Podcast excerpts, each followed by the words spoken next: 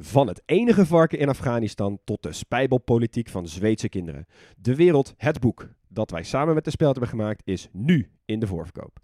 Het is de meest betrouwbare landengids der landengidsen. Het beste boek dat je nooit mag gebruiken bij je eindexamen. Ga naar grotepodcastlas.nl slash boek, bestel hem en dan heb je hem eind juni in huis. En terwijl ik val, zie ik die enorme kop van die beer boven me. In de wekelijkse podcast Echt Gebeurd worden al meer dan 10 jaar mooie, grappige, spannende en ontroerende verhalen verteld door de mensen die ze zelf hebben beleefd. Het regende bommen, dat wil zeggen, om de zoveel tijd ontplofte er een bus. Er zijn al meer dan 400 afleveringen van Echt Gebeurd verschenen. Dit is geen sjamaan, dit is een achterhoeker. Abonneer je nu op Echt Gebeurd in je favoriete podcast-app.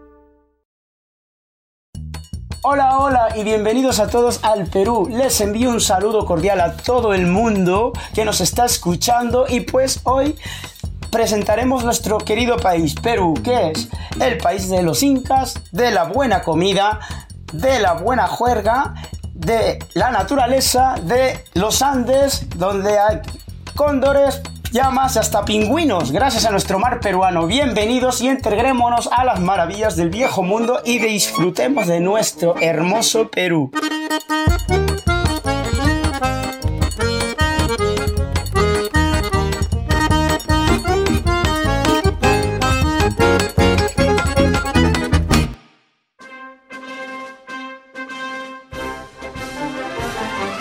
Gortsdroge woestijn tot ondoordringbaar regenwoud. En van Lima's betonnen jungle tot machtige zesduizenders.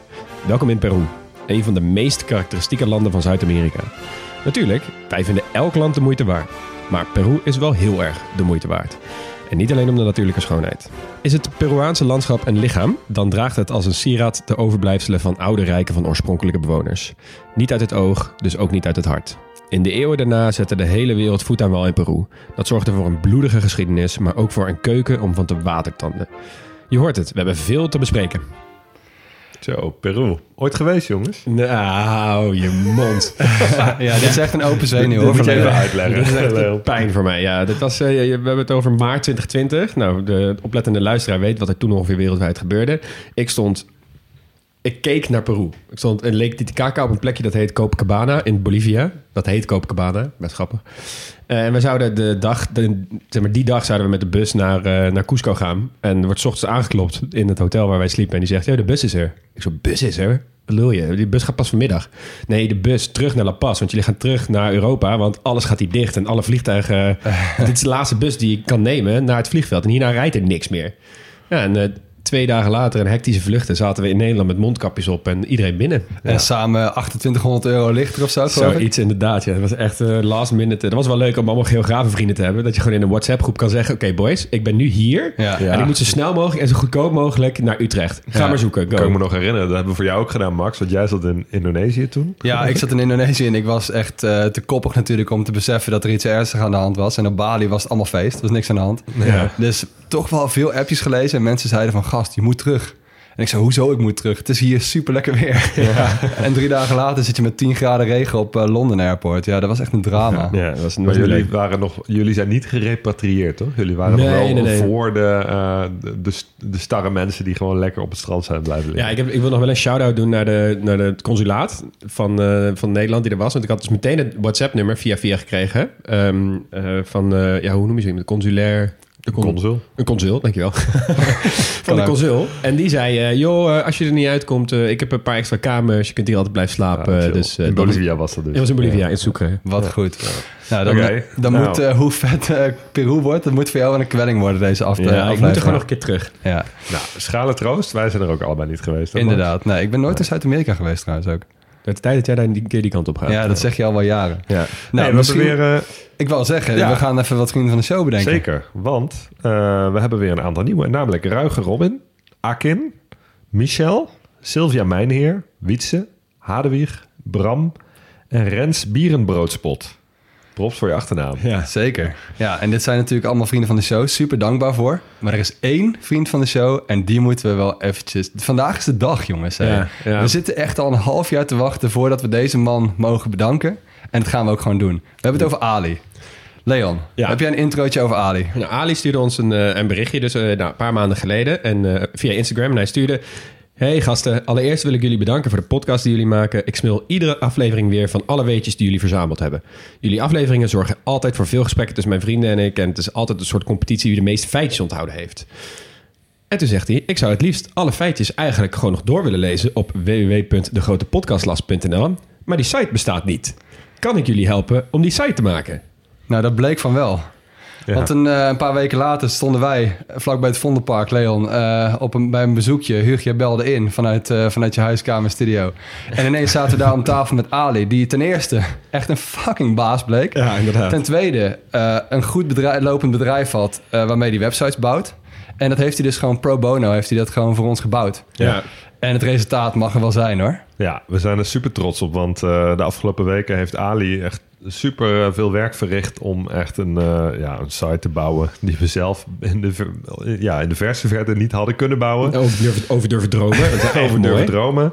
Ehm, dus dat is heel tof. En wij zijn zelf natuurlijk ook heel druk geweest, want eh, wij hebben de content gevuld. Dus ehm, allemaal eh, eh, pagina's gemaakt per aflevering met feitjes, met tips, met foto's, van alles en nog wat.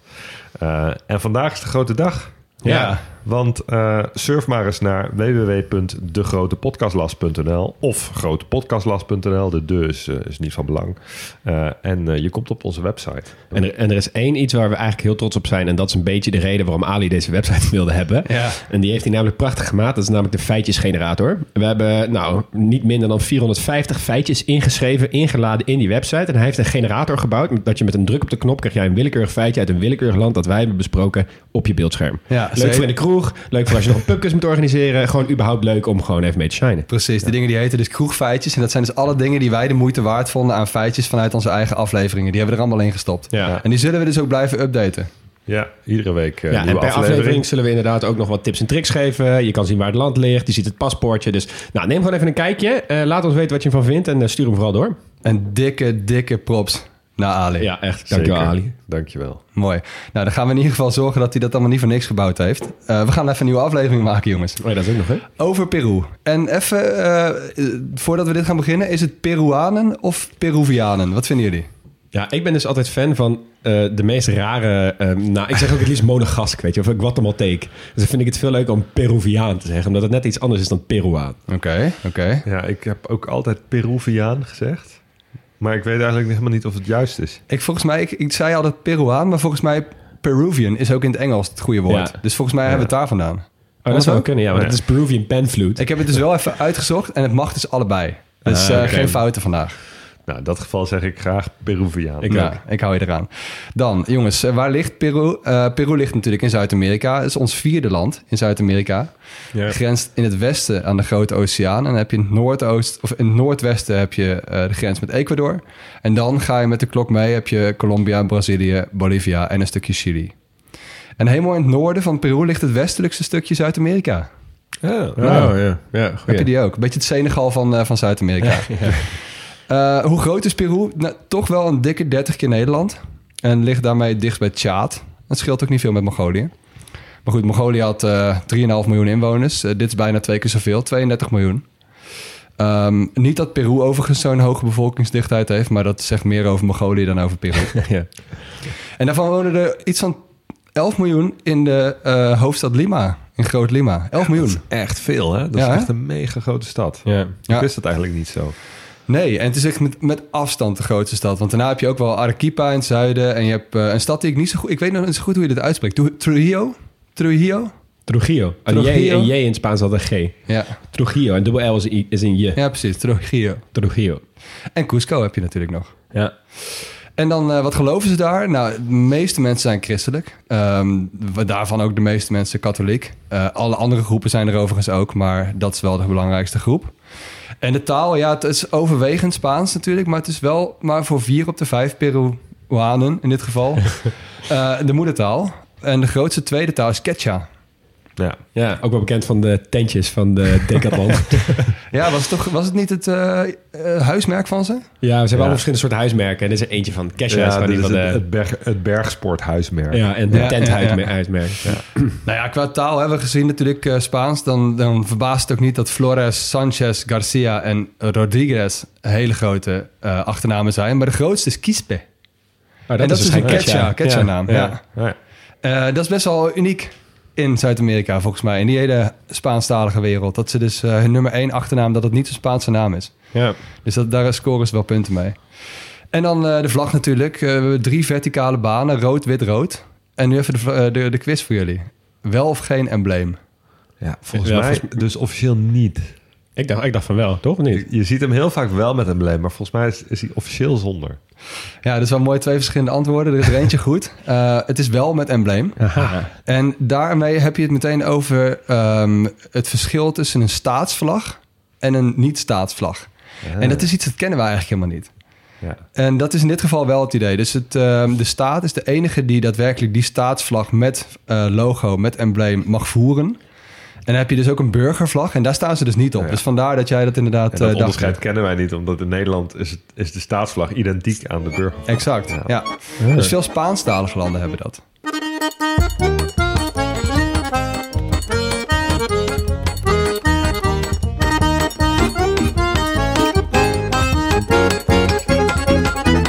Nou jongens, toen ik, het over, ehm, eh, toen ik zag dat ik het over de bevolking van Peru mocht hebben, dacht ik eigenlijk in eerste instantie, hmm, oké, ja, Zuid-Amerikaans land, hoe spannend kan het zijn? Eh, standaard mixje, wat inheemse volkeren, wat Europeanen, wat Afrikanen. Dat klopt ook. Maar de demografie van Peru heeft toch wel wat heel bijzonders. En daar ga ik jullie straks eh, wat over vertellen. Eerst even kijken naar de samenstelling van de verschillende bevolkingsgroepen. Ehm, is heel opvallend. Stel je gaat even naar de Nederlandstalige Wikipedia-pagina van Peru. Dan eh, wordt daar gesteld dat in 2006, dus al wel een tijdje geleden, 45% van de bevolking gezien werd als inheems. Merendeel Quechua dus. Eh 37% als mestizo. Dan ben je dus gemengd inheems en Europeaan. 15% als Europeaan. En dan nog 3% Afrikanen, Aziaten en alle overige groepen. Ja. Ehm, maar ga je naar de Engelstalige Wikipedia, dan wordt daar de bevolkingstelling van 2017 aangehaald. En wat hebben ze toen gedaan? Toen hebben ze eh, bij die bevolkingstelling hebben ze bewoners zelf laten invullen ehm, welke etniciteit zij hebben. En dan krijg je een heel ander resultaat. Ehm, wat blijkt? Maar liefst 60% heeft aangegeven dat ze mestizo zijn. Eh, nog maar 25% inheems en nog maar 6% Europees. Nou, dat kan niet verklaard worden door eh, bevolkingsontwikkeling in die, in die tien jaar of, eh, of eh, mix. Maar we- dus we kunnen concluderen dat mensen, of dat eh, steeds meer mensen zich mestizo gaan voelen, zonder dat dat etnisch gezien misschien daadwerkelijk zo is. Ja. Dus mestiz zijn is eh, eh, steeds minder een kwestie van ras en steeds meer een kwestie van gevoel. Eh, dat je een soort product bent van de verscheidenheid die het land te bieden heeft. Ja. En misschien is het ook wel inderdaad veel meer een cultuurkwestie. Ja. Dat je zeg maar echt een, echt een mengeling van de verschillende culturen voelt. Ja. Veel meer dan, oh, ik ben een afstammeling van een Europeaan of zo. Dus Ja. in, in de diversiteit zijn ze juist ook weer heel erg verenigd. Ja, exact. Ja. En volgens mij hadden we in Colombia hadden we eh, iets soortgelijks. Dat we zagen dat heel veel mensen zichzelf, zichzelf mestizo noemen. Ook al zijn ze, zijn ze bijvoorbeeld Afrikaan. Ehm, maar hier zie je het dus ook eh, als het ware de andere kant op. Meestal zie je dat in, in Zuid-Amerikaanse landen... dat de Europese bevolking, dus de witte bevolking... nog helemaal bovenaan de sociale ladder staat. Maar daar zijn dus ook eh, in de afgelopen jaren heel veel mensen... ehm, eh, van die, eh, die zeggen: ik, ik voel me mestiz. Ik, Ja. ik ben mestiz, ook al ben ik misschien volbloed Europeaan. ja. Oh, ja. Dus dat, is, dat vond ik wel heel opvallend. Ehm, nou, de Quechua zijn de grootste eh, groep inheemse. Ehm, ehm, je kent ze dus misschien vooral inderdaad van, van de Decathlon. Het is overigens geen homogene groep. Ehm, het bestaat uit, uit meerdere verschillende volkeren. Wat ze gemeen hebben is dat ze Quechua-talen spreken. Dus Quechua, dat is een taalfamilie eigenlijk. Ehm, als we dan kijken naar het, het bijzonderste deel van de eh, Peruviaanse demografie... dan moeten we kijken naar een groep immigranten. En dan bedoel ik niet de Europese en de Afrikaanse migranten... maar de Japanners. Ja. Want in Peru wonen ontzettend veel Japanners. Ja. En dat is, dat is eigenlijk heel bijzonder. Ehm, we zagen in Brazilië, heeft ook een grote Japanse minderheid. Daar wo- wonen er in absolute aantallen eh, wel meer dan in Peru. Maar dat is natuurlijk ook een veel groter land. Dus Peru eh, eh, schiet er wel echt heel erg uit. Als je kijkt naar kaartjes van waar bevindt de Japanse diaspora zich... dan, dan schiet Peru altijd wel naar voren. Nou, hoe komt dat nou? Ehm moeten we even terug in de tijd. Peru was, eh, was het eerste land in Zuid-Amerika dat diplomatieke betrekkingen had met Japan. Al in de 19e eeuw. En ook het eerste land in Zuid-Amerika dat de grenzen openstelde voor Japanners. En dat waren gastarbeiders die dus eh, buiten Japan aan werk probeerden te komen. En vanaf 1900 zijn er eigenlijk heel veel Japanners per schip overgevaren. En dus aan de kust aangekomen en in Peru gaan wonen en werken. Huh. Deze mensen worden de Peruano Japones of Nippo Peruano genoemd. Nippo Peruano, Ja, mooi term. mooi. Japanners werden trouwens eh, niet door iedereen even welkom geheten, ondanks de diplomatieke banden. Eh, ze werden behoorlijk gediscrimineerd door de plaatselijke bevolking en zelfs vervolgd. Eh, in 1940 braken er bijvoorbeeld rellen uit in Lima. Het duurde drie dagen. Japanse huizen werden in de brand gestoken, winkels werden gesloten. Tien Japanners zijn vermoord en de politie deed eigenlijk niks. Die keken toe, dus die hadden, die hadden een tamelijk achtergestelde status. Dit was in 1940, zei je. 1940. En toen werd het een jaar later nog erger. Ja, want toen ging ze bij... eh, Want Japan eh, eh, viel Pearl Harbor aan. En de Verenigde Staten die waren nogal bezorgd over het grote aantal Japanners in Peru. Want ja, Peru ligt ook in, in de Amerika's, tamelijk dicht bij huis. Ehm, en ze vrezen dat Japan Peru zou gaan gebruiken als een soort van outpost in de Amerika's. Zou bezetten om, om van daaruit oorlog te gaan voeren. En eh, wat hebben de Verenigde Staten daarom gedaan? Eh, die hebben Peru flink militair gesteund om zich te verdedigen tegen een eventuele Jap- Japanse inval. En ze hebben op enorme schaal Japanners uit Peru gedeporteerd en in concentratiekampen in de Verenigde Staten gezet. Jo. Ik wist al wel dat ze dat met Japanners in de Verenigde Staten zelf hebben gedaan. in Californië en Ja, zo, daar staat er heel veel. Dat is ook een, eh, een beetje een ondergeschoven eh, hoofdstukje in de geschiedenis. Maar dit wist ik niet. Dus ze hebben gewoon eh Peruviaanse Japanners naar de Verenigde Staten gehaald. En daar geïnterneerd. dus weer een mooi, mooi voorbeeld van dat de geschiedenis wordt geschreven door de overwinnaars. Nou, zo is het inderdaad. ja. Nou, dit, hier, hier gaan we zeker nog wel eens eh, wat dieper in, eh, in duiken. Ehm, in de tweede helft van de 20e eeuw gingen best wel veel Japanners ook terug naar, eh, naar Japan. Want de welvaart in Japan die steeg enorm. Eh, in Peru bleef dat iets achter. Ehm, in 2017, bij die, eh, bij die bevolkingstelling waar ik het over had, waren er nog maar 20.000 mensen over die zich als Japans identificeren. Maar het daadwerkelijke aantal afstammelingen ligt wel veel hoger. Ja. Uh, waarschijnlijk, uh, zijn schattingen, ligt het zelfs ergens tussen de 10 en 20 procent van de bevolking. Die Wow. ergens wel Japans bloed heeft. Dus dan hebben we het over miljoenen mensen. Ja. Um, dus ja, dat is een beetje, uh, beetje, beetje nu de status. En um, een aantal Japanners hebben het ook wel ver geschopt. De bekendste daarvan is Alberto Fujimori. Ja. In de jaren 90 president van Peru. Maar um, um, ja, hij heeft er een behoorlijke bende van gemaakt. Maar uh, daar gaat Max het... Uh, Daarover later meer. het over hebben. Voordat we die kant op gaan, um, in ieder geval een kleine disclaimer. Ik moest mezelf echt tegenhouden met het, uh, met het geschiedenishoofdstukje in Peru, zoals jullie wel begrijpen. Ja. Want anders werd het echt een geschiedenisaflevering in plaats van een geografische aflevering. Uh, dus ik heb um, een beetje zitten zoeken en een beetje zitten pikken en wat, echt wat leuke verhalen opgezocht. Maar er is zoveel. Dus nou, with no further ado, laat ik jullie meenemen in de geschiedenis van de Inca's. Ja, want sommige landen Zo. zijn gewoon een hele lekkere tijdlijn. Maar dit is gewoon perfect land om even te cherrypicken, niet? Ja, echt serieus. Wat dat betreft wel.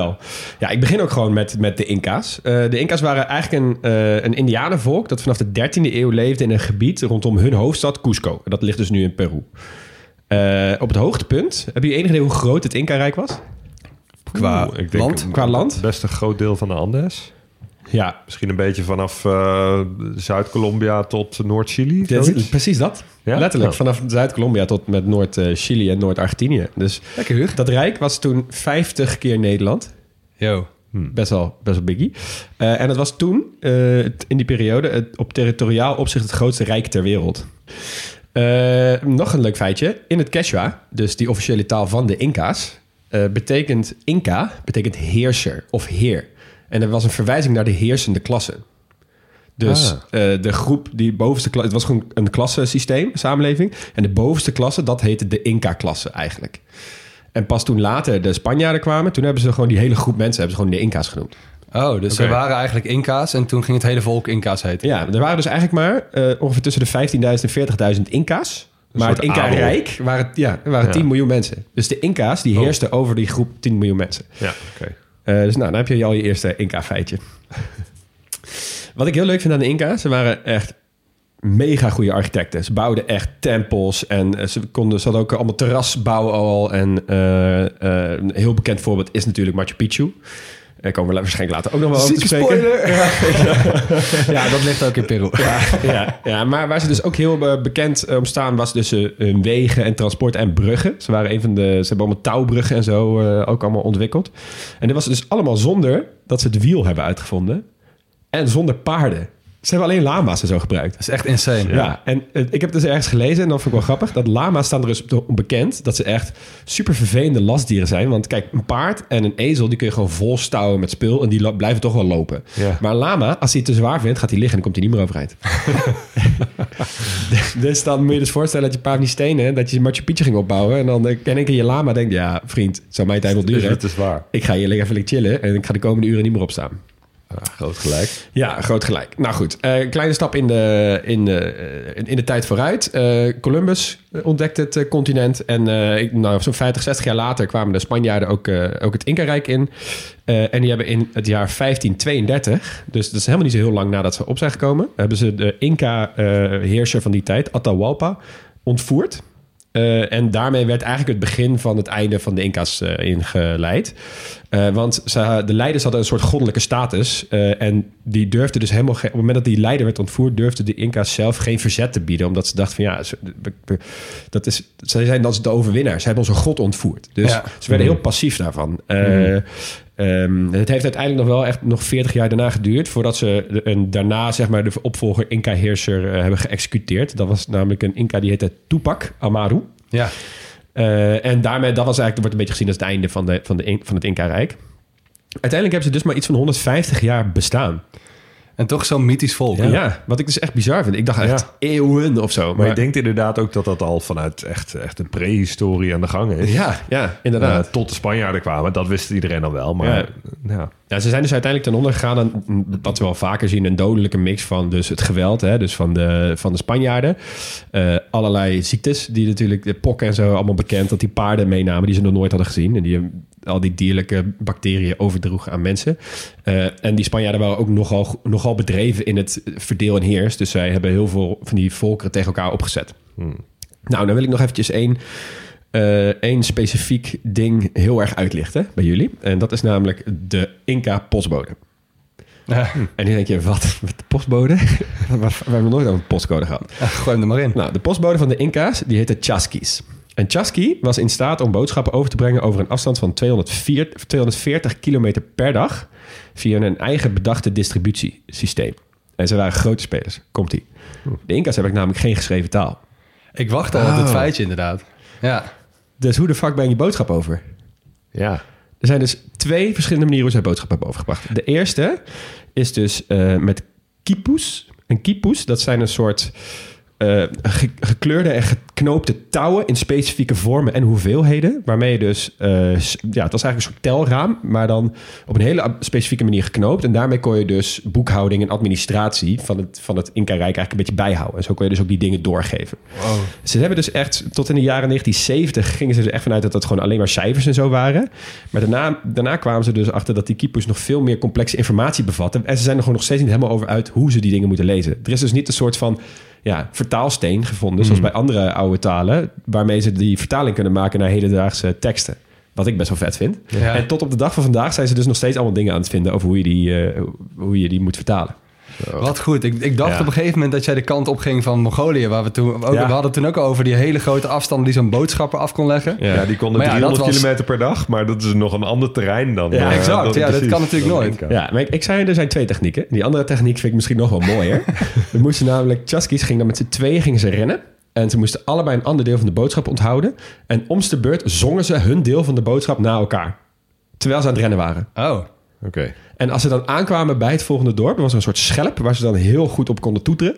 En dan werden die poorten open gedaan, omdat ze wisten, oh, dat, is, dat zijn dus die, eh, die postbodes. En dan mochten ze meteen rennen naar die specifieke zaal waar ze die boodschap moesten doen. En dan hebben ze dus één voor één zingen ze die boodschap. Stonden er twee andere lui klaar om die boodschap meteen te onthouden. Bam, reden ze meteen weer door. Wat een verhaal, joh. Zo. Ja, echt bizar. Als je afvraagt hoe legendarisch zijn deze mensen. Ze hebben dus recentelijk, heeft eh, Patagonia Television, dat is blijkbaar een ding, wist ik ook niet. Hebben dus een, een oude man uit een afgelegen dorp in Peru ontdekt. En die rende elke dag een berg op en af naar zijn werk. En op een gegeven moment was zo van, ja, wat, wat ben je nou aan het doen? En toen heb- hebben ze hem dus via zijn, zijn kinderen, die waren wat meer met internet, die hebben gezegd oké, je moet even mijn opa gaan interviewen. Eh, en wat bleek? Hij zei van, ja, mijn opa deed dat, mijn, die voorouders deden dat. Dus het waren gewoon echte chaskies van back in the day. Een hele bescheiden man, eh, die rende dus elke dag. Hij heeft dus in 2003 meegedaan aan de Inca Trail Marathon. Nou, de Inca Trail is best wel een, eh, een flinke trek. Het is een vierdaagse trek.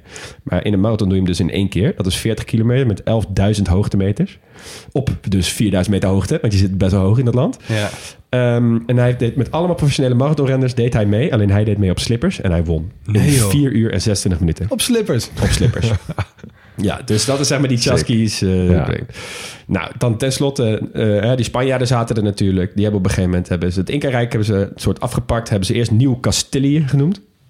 Eh, Oh ja. eh, en daarna was het eh, 250 jaar het, het zogenaamde onderkoninkrijk Peru. Of in het Engels is het Viceroyalty Ja. Peru. Oké, dus onder de Spaanse koning. Onder de Spaanse Ja. kroon was dat. Eh, ja, en toen eh 1808. En dit vond ik ook wel leuk, want wij zeggen altijd in Zuid-Amerika zijn die landen een stuk eerder onafhankelijk geworden. Weet je waar dat dus eigenlijk over het algemeen mee te maken heeft?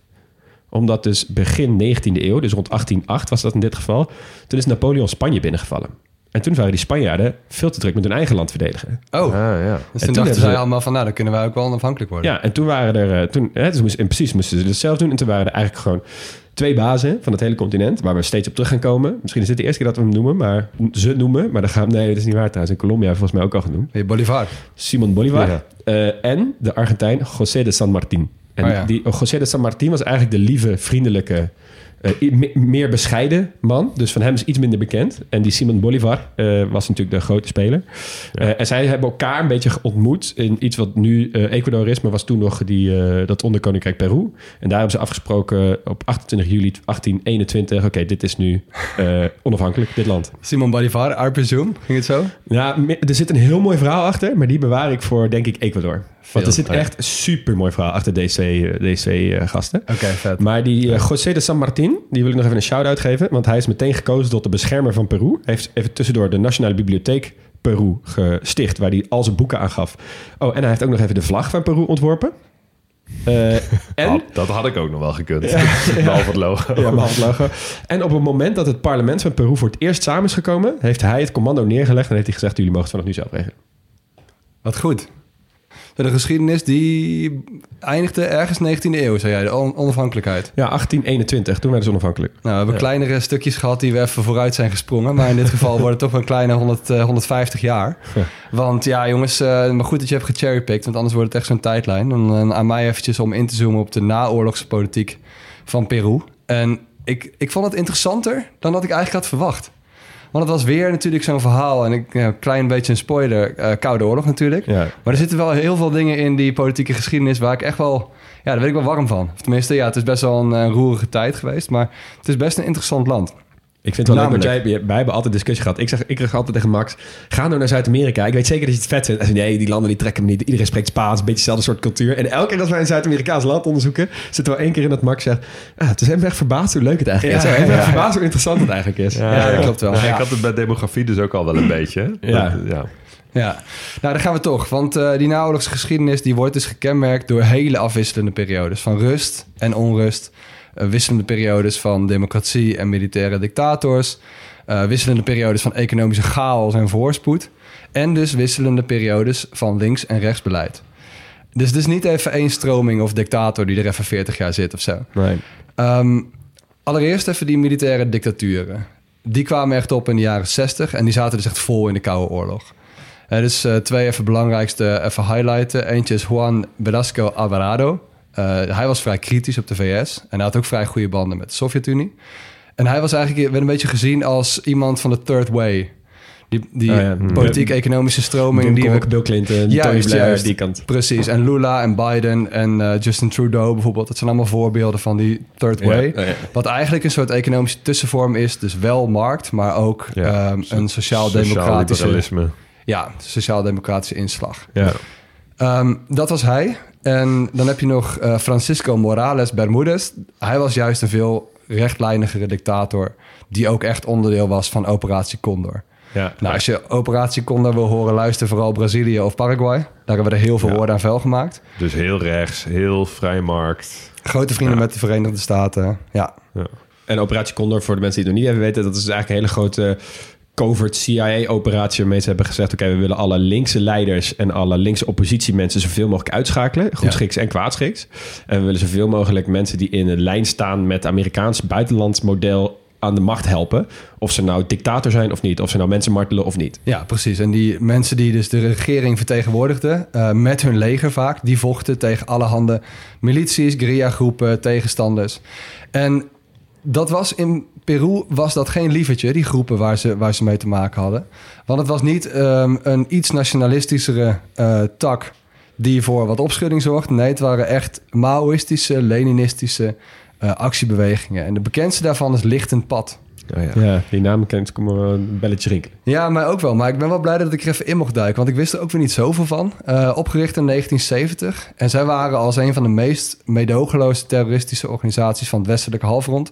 verantwoordelijk voor tienduizenden doden. Dat is echt een beetje een rode armee-fractie. eh. Beetje wel, ja. Maar dan wel Spiegel, echt veel ja. bloediger. Eh hielp natuurlijk ook niet dat die regering midden in de operatie Condor ook niet zo fijn te werk ging. Nee. Nou, ehm, wie ook zijn eh, handen vol had aan die strijd, dat was dus die dictator Alberto Fujimori, die je al even noemde, Huug. Die kwam in 1990 wel democratisch aan de macht. En hij erfde eigenlijk een Peru met gierende inflatie. Eh, veel sociale onrust. En vier op de vijf eh, Peruvianen had geen vaste baan. En men zegt wel dat de enige economische groei die weer echt merkbaar was, was de teelt van coca-bladeren. Ja. Dus zo'n economie trof hij aan. Nou, die, die Fujimori die, die bekwam dus de, een democratie aan de macht, maar hij, hij, hij ontpopte zich wel steeds meer als een dictator. Maar die dus ook de leider van dat lichtend pad, eh Abimael eh, Guzman, oppakte en die organisatie ook steeds meer de kop indrukte, ehm, waardoor ze eigenlijk steeds meer gemarginaliseerd werd. Dus dat heeft hij toch wel gedaan. Maar wel tegen een prijs met heel veel geweld en heel veel mensenrechten schendingen. Het eigenlijk tegen iedereen die hem in de weg stond. Veel breder dan het lichtend pad. Dus het werd eigenlijk een keiharde strijd met, met, eh, met, met twee gezichten. Aan de ene kant die guerrilla's, die waren super misdadig.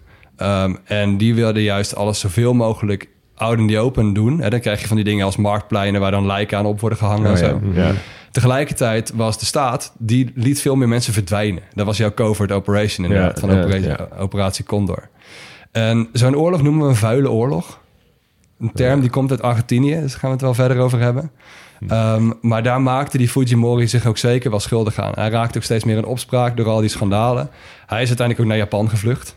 Oh ja? Eh, fun fact over hem, mensen noemden hem El Chino. De Chinees. Dat is Hele racistisch. Ja, ja, precies. Ehm, maar daarna, nadat hij vluchtte, kwamen er toch wel democratische jaren. En dat zijn er toch wel meer dan, dan de junta-jaren. hè. Dus de, de, toen, eh, toen de militaire dictatuur aan de macht was. Ehm, en het grappige is wel, waar, waar die heel erg door geken, eh, gekenmerkt wordt, die democratische jaren, is dat er een gigantisch eh, pluriformiteit heerste in het politieke landschap. Met heel veel partijen. En die partijen in Peru die zijn veel meer dan bij ons opgebouwd rondom één persoon. Ehm, dus als iemand heel snel opkomt of snel in discrediet raakt, dan, dan verandert die politieke partij ook heel snel. Dus niet echt zo'n stabiele basis als dat wij hier in Nederland hebben. Met hoor en wederhoor, weet je Ja. wel, interne discussie. Ehm, en dat betekent dus ook dat je sinds eh, verkiezingen de tijd heel veel machtswisselingen krijgt. Ja. Nou, de andere reden is het Peruviaanse kiessysteem. Ehm, een president daar die heeft een ambtstermijn van vijf jaar, maar hij mag niet herkozen worden. Oh. Hij mag wel laten terugkeren. Ja, dat je dan van die dingen die je nu in, in Brazilië hebt. Dus eerst president 1, Ja, dan precies. president 2, dan komt president 1 Exact, ja. Je mag dus wel terugkeren, maar dan wel eh, niet twee termijnen achter elkaar. En uitzonderingen daar gelaten vind je dat dus alleen in Latijns-Amerika, maar ook in heel veel landen in Latijns-Amerika. Ja. Dus ik heb even gekeken hoe dat komt. En al die Latijns-Amerikaanse landen, hè, we hadden het er even over, die waren dus redelijk vroeg, werden die al onafhankelijk. En die hebben hun hele kiessysteem eigenlijk een beetje gemodelleerd naar de Verenigde Staten in, in de 19e eeuw. En daar heb je dat natuurlijk ook. Ja. Dat je eh, twee periodes mag blijven zitten en daarna ben je klaar. Ja. Alleen in Latijns-Amerika zagen ze dat die leiders eh, vaak langer bleven zitten dan hun twee termijnen. En daarom hebben ze in sommige landen hebben ze maar één termijn van gemaakt. en dat is dus ook in Peru het geval. Ja. Is uh, Junta, zei- ik zat ik niet te denken. Jij zei dat, nee. Is dat niet gewoon ook een... Ja, het is een Spaans woord. Maar zou dat niet ook gewoon uit Latijns-Amerika komen? Vanwege dat het daar heel vaak voorkomt. Ja, het is daar heel vaak voorgekomen. Ja, ik associeer het inderdaad puur daarmee. Ja, ja, ja. Wat ik overigens eh, wel zag, die, die zittende presidenten... die mogen zelf niet meedoen, maar hun partijen wel. Ehm, alleen, ja, als die president vaak weg is... dan verandert die politieke partij er zo snel... ehm, dat ze het vaak niet halen. Sterker nog, sinds 1980 is het nooit voorgekomen... dat een partij twee termijnen achter elkaar volmaakt.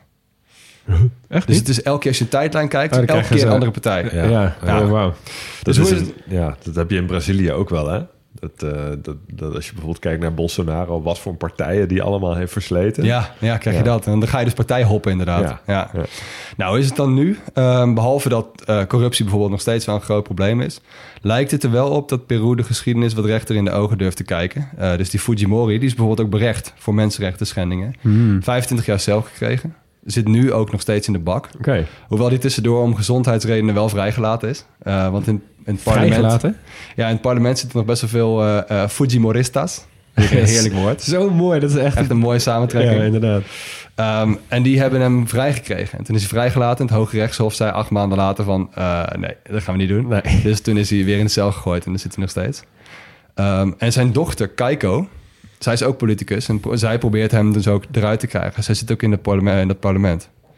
En die Keiko is dus ook eh, de grootste tegenstander geweest... van de huidige president, Pedro Castillo. Eh, van hem verloor, eh, verloor zij in eh, 2021. Was de vijfde president in vijf jaar. Dus het is nogal crisis daar. Ja. Ehm, hij is wel de eerste president van marxistische signatuur. Ehm, best wel in opspraak ook. Ehm, hij wees een, bijvoorbeeld een premier aan die inmiddels wordt berecht voor het goed praten van de terreur van dat lichtend pad. Dus dan is de cirkel weer een beetje rond. Ehm, Ik heb nog een ander leuk feitje voor je. Ik weet niet of je die wilde vertellen. Maar hij heeft zeg maar in de weken dat hij aan de macht is geweest... zo vaak ministers en premiers gewisseld. Hij zit volgens mij inmiddels in zijn vijfde premier. En hij heeft één, gemiddeld één minister per week vervangen Nee. van zijn kabinet. Wow. zo. Dan heb je wel een redelijk politieke crisis. Dat zou ik ook echt Zo. niet op, op mijn LinkedIn durven zetten als ik een week premier was geweest. Eh, wat hij ook heeft gezegd is dat hij zich terug wil trekken uit de Lima-groep. Dat is eigenlijk een verbond in, in Zuid-Amerika ehm, tegen de situatie in Venezuela, die natuurlijk een eh, bepaalde kant op zijn gegaan. En eh, heel veel landen hebben zich verenigd tegen Venezuela en hebben daar een soort groep omheen bedacht. De Lima-groep. Eh, tot op heden is dat niet, eh, niet officieel geworden dat, dat ze eruit wilden. Maar als zelfs degene uit Peru zich terug wil trekken uit de Lima-groep, is het natuurlijk een beetje gek. Ja. Ja. Uh, en er zijn wel meerdere linkse presidenten en regeringen inmiddels in Zuid-Amerika. Uh, dus dat die Lima-groep, die, die, die, ja, die brokkelt wel een beetje af de steun daarvoor. Hmm. Ja, en helemaal nu gaat het helemaal niet zo lekker. Want er loopt echt een heel groot corruptieonderzoek tegen hem. Um, hij heeft inmiddels twee afzettingsprocedures overleefd. Waarvan eentje voor morele onbekwaamheid. Ja, wat mooi term. Niet echt heel fijn als je dat uh, aan je broek Nee. krijgt. Ja, en het is nu, uh, as we speak, ook best wel onrustig in de straten van Lima. Ja. Oh. Dus ik ben benieuwd welke kant het op gaat. Ja. Ik hoop niet dat we zo'n gevalletje uh, Sri Lanka krijgen. Nee. Nee. Dat onze podcast uh, een week later alweer uh, weer outdated is. Maar het is daar wel onrustig nu.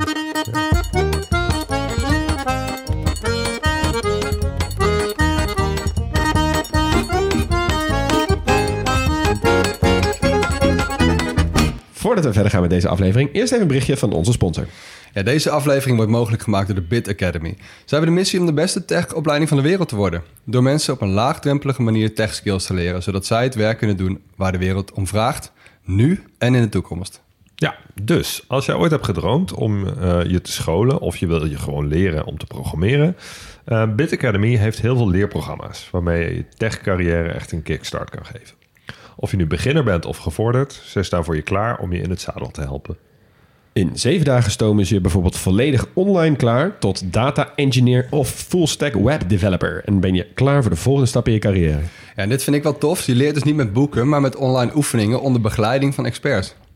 Ja, wat misschien het mooiste van alles is, de overheid heeft nu het stapbudget. Uh, dat kun je één keer per jaar aanvragen. Dan krijg je 1000 euro en dat kun je inzetten voor een cursus. En dat betekent dus dat je Bit Academy gewoon helemaal gratis kan doen. Ga dus naar www.bit-academy.nl of check even de link in onze show notes om je aan te melden voor een opleiding. En dan gaan we nu terug naar Peru. Terug naar Peru. Oké, fysisch geografisch is Peru in te delen in drie stukken. Het meest westelijke deel, langs de kust, dat is ongeveer 10% van het land. Dan heb je in het midden het Andesgebergte, met die, eh, met die hoge pieken. Eh, dat is ongeveer 30% van het land, dus dat is best een brede gordel uh, bergketen. En het oosten, dus, dus een stuk tegen de grens met Brazilië. Daar heb je de Amazone. En dat is ongeveer 60% van het land. Dus dat is verreweg het grootste deel. En die drie zones die hebben echt een totaal verschillend klimaat. En die verschillen die zijn te verklaren door de wind. En daar ga ik jullie wat meer over vertellen. Um, ik denk dat ik weet waar het over gaat. Peru ligt uh, namelijk vlak bij de Evenaar. En bij de Evenaar waaien passaatwinden. Passaatwinden waaien altijd uit het oosten, dus uit de richting van Brazilië. Dus het is daar bijna altijd oostenwind. En um, die wind die is heel warm en die neemt veel water op in de Atlantische Oceaan. En is dus heel nat. Dus daar, daar valt heel veel neerslag uit. Vandaar is de, is de Amazone uh, zo nat. Ja. Nou, als die wind vervolgens bij Peru is aangekomen, um, dan komt hij de Andes tegen. Dan moet die lucht stijgen. En als lucht stijgt, dan koelt hij af. Want hoog in de bergen, hoe hoger je komt, hoe kouder het is. En koude lucht kan minder vocht bevatten dan warme lucht.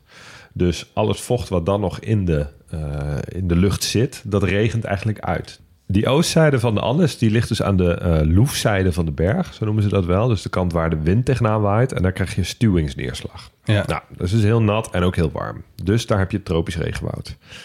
Nou, in het midden van het land heb je dus die Andes. Daar is het tamelijk droog, maar ook heel koud. Want, uh, want die bergketen ja, die is echt enorm hoog. 5000, 6000 meter is geen uitzondering. En aan de westkant van de Andes, daar daalt de wind weer richting de kust. Uh, warmt dus onderweg weer op en kan dus weer meer vocht vasthouden. Dus hier valt praktisch nooit regen. Alle, al het vocht wat dan nog in de lucht zit, dat zal nooit condenseren tot een wolk en nooit neerslaan in de vorm van regen. Ja. Dus het is in het kustgebied echt kurk en kurk droog. Dus een van de droogste plekken ter wereld. Is dit een beetje als je... Kan ik een vergelijking maken met Bangladesh... die dan op een gegeven moment die wind... Die, of die, die lucht, die regent helemaal leeg. In Bangladesh knalt het tegen de Himalaya aan. Ja. En daarachter begint het Tibetaanse hoogland... is Ja. kurk droog. Daar gebeurt precies hetzelfde. Behalve dat er hier Ja. nu een strand begint. Ja, hier is, het, eh, is eh, eh, de passaatwind de oorzaak. Daar is de moessonwind. Maar het principe is hetzelfde. Je hebt Ja. dus aan de, aan de kant waar de wind tegen de berg aanwaait... dan krijg je, dat is de loefzijde van de berg... krijg je stuwingsneerslag. De andere kant is de leizijde van de berg. En daar is het heel droog. Ja. Dat heb je in Tibet, maar dat heb je dus ook... langs de westkust van Peru. Ehm, die passaatwind die waait na Peru vrolijk verder naar het westen. Over de grote, grote oceaan richting Indonesië en Australië. En als gevolg van die wind wordt de bovenste warme laag van het water in de oceaan als het ware naar het westen toe geblazen. Dus tegen eh, Indonesië en Australië aan. Dat zorgt ervoor dat het daar behoorlijk warm kan worden en ook nat is. Want dat warme water verdampt makkelijk, dus je hebt veel neerslag in Indonesië om die reden. Bij Peru daarentegen wordt het warme water dus weggeblazen van de kust. En dus komt er koud water van onderaf om dat weer op te vullen. Dat koude water dat bevat heel veel voedingsstoffen. Ehm, dat zorgt ervoor dat er in Peru superveel vis in het water zwemt. Ja. De visserij in Peru is, is eh, enorm groot. En ehm, het is ook niet voor niks dat Peruviaanse vissers erachter kwamen dat eens een paar jaar in december er iets geks aan de hand is met de zeestroom in de Grote Oceaan. Eh, zij noemden dit fenomeen, fenomeen El Niño. El Niño, dat, eh, eh, dat is eigenlijk het fenomeen waarbij het systeem van wind en zeestroom in de Grote Oceaan verstoord raakt. Eh, dus die passaatwind die zwakt dan bijvoorbeeld af. Dus die oostenwind die wordt minder sterk of die draait zelfs om. Waardoor er water, warm water terugstroomt vanuit Indonesië en Australië richting Zuid-Amerika. Ehm, dat merken vissers, want dat warme water dat bevat minder voedingsstoffen en dus vangen ze minder vis. Ja. En ehm, dat zorgt er ook voor dat het eh, eh, in Australië en Indonesië veel droger is. Dus als je in Australië bijvoorbeeld hoort over veel bosbranden, dan is dat vaak het gevolg van El Niño. Oké. Als er dus veel warm water eh, teruggaat richting Peru. Ehm, eh, in Peru heb je dan in het kustgebied eh, eh, juist wel kans op regen. Terwijl het daar normaal dus heel droog is. Ja, want in ehm, eh, Californië en zo heb je dan ook met El Niño heb je heel veel stormen. Ja, eh, El Niño heeft inderdaad eh, eh, effecten op heel veel andere gebieden nog in de wereld. Ehm, ook al ontstaat het dus in de Grote Oceaan tussen Eh, de kust van Zuid-Amerika en Australië en Indonesië. Ehm, maar het is ook een fenomeen wat, wat, eh, eh, wat we nog niet zo heel lang kennen en nog niet helemaal kunnen doorgronden. Dus Oké, weer een globaal... heel- eh, ja, precies. Het heeft, maar het is een heel complex samenspel van wind en zeestroom.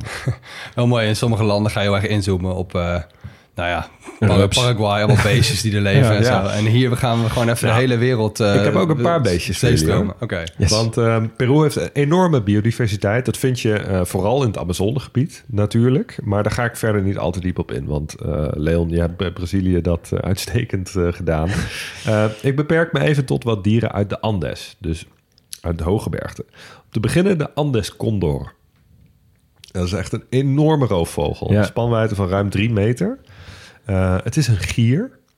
En ehm, gieren die kun je herkennen aan hun kale kop.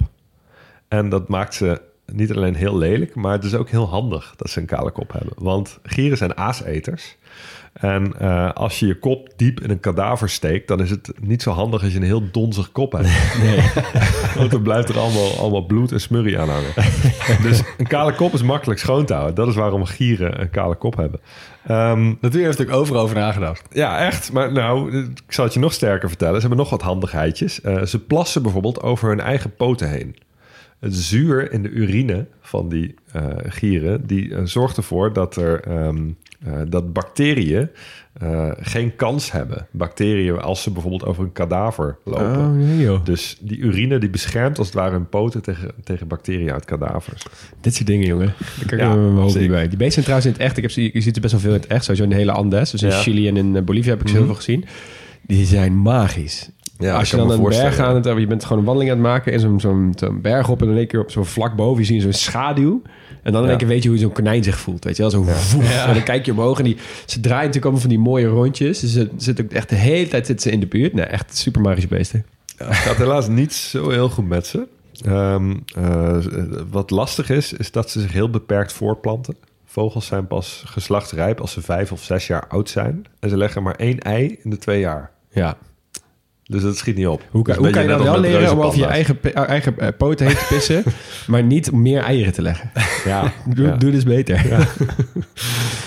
Nou, ehm, maar dan nog even de dieren waar we Peru toch vooral van kennen. Lama's. Hey. En even een klein stukje etymologie. Eh, lama's zijn kameelachtigen. Wisten jullie dat? Ja, dat wist ik wel, ja. Ja, die zijn familie van de kameel. En worden ook wel schaapkamelen genoemd. ik vind het Zullen, we woord. dit gewoon gaan, gaan doen? Schaapkameel. Ja? Ja. En ehm, eh, je hebt in die, eh, in die familie van kameelachtigen... heb je eh, ehm, eigenlijk z- zes of zeven verschillende soorten. Je hebt de kameel, de krom- dromedaris en de wilde kameel.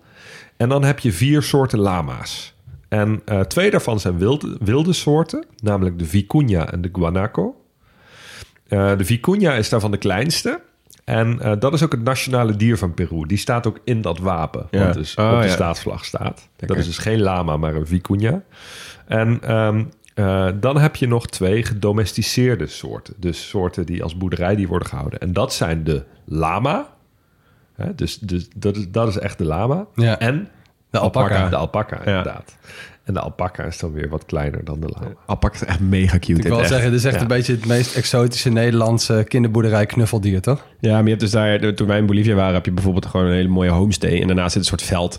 En er liggen dan allemaal ja, spulletjes in en hangmatten en zo. En dan lopen er alpaca's en dan kan je er gewoon knuffelen. Ja, die beesten zijn echt awesome. Maar het is wel echt, eh, sorry dat ik inbreek op jouw hoofdstukje, maar ik vind het altijd heel fascinerend om te zien dat er gewoon, denk de groep van, nou laten we zeggen 20 tot 35-jarige vrouwen vaak, even generaliserend, ehm, alpaca's extreem schattig vinden. Ja, nou, reken mij ook maar tot die groep, En hoor, sommigen kunnen ook vind echt alleen maar over alpaca's praten. Ja, ik ben ook heel blij dat de alpaca ook gewoon een eigen emoji heeft.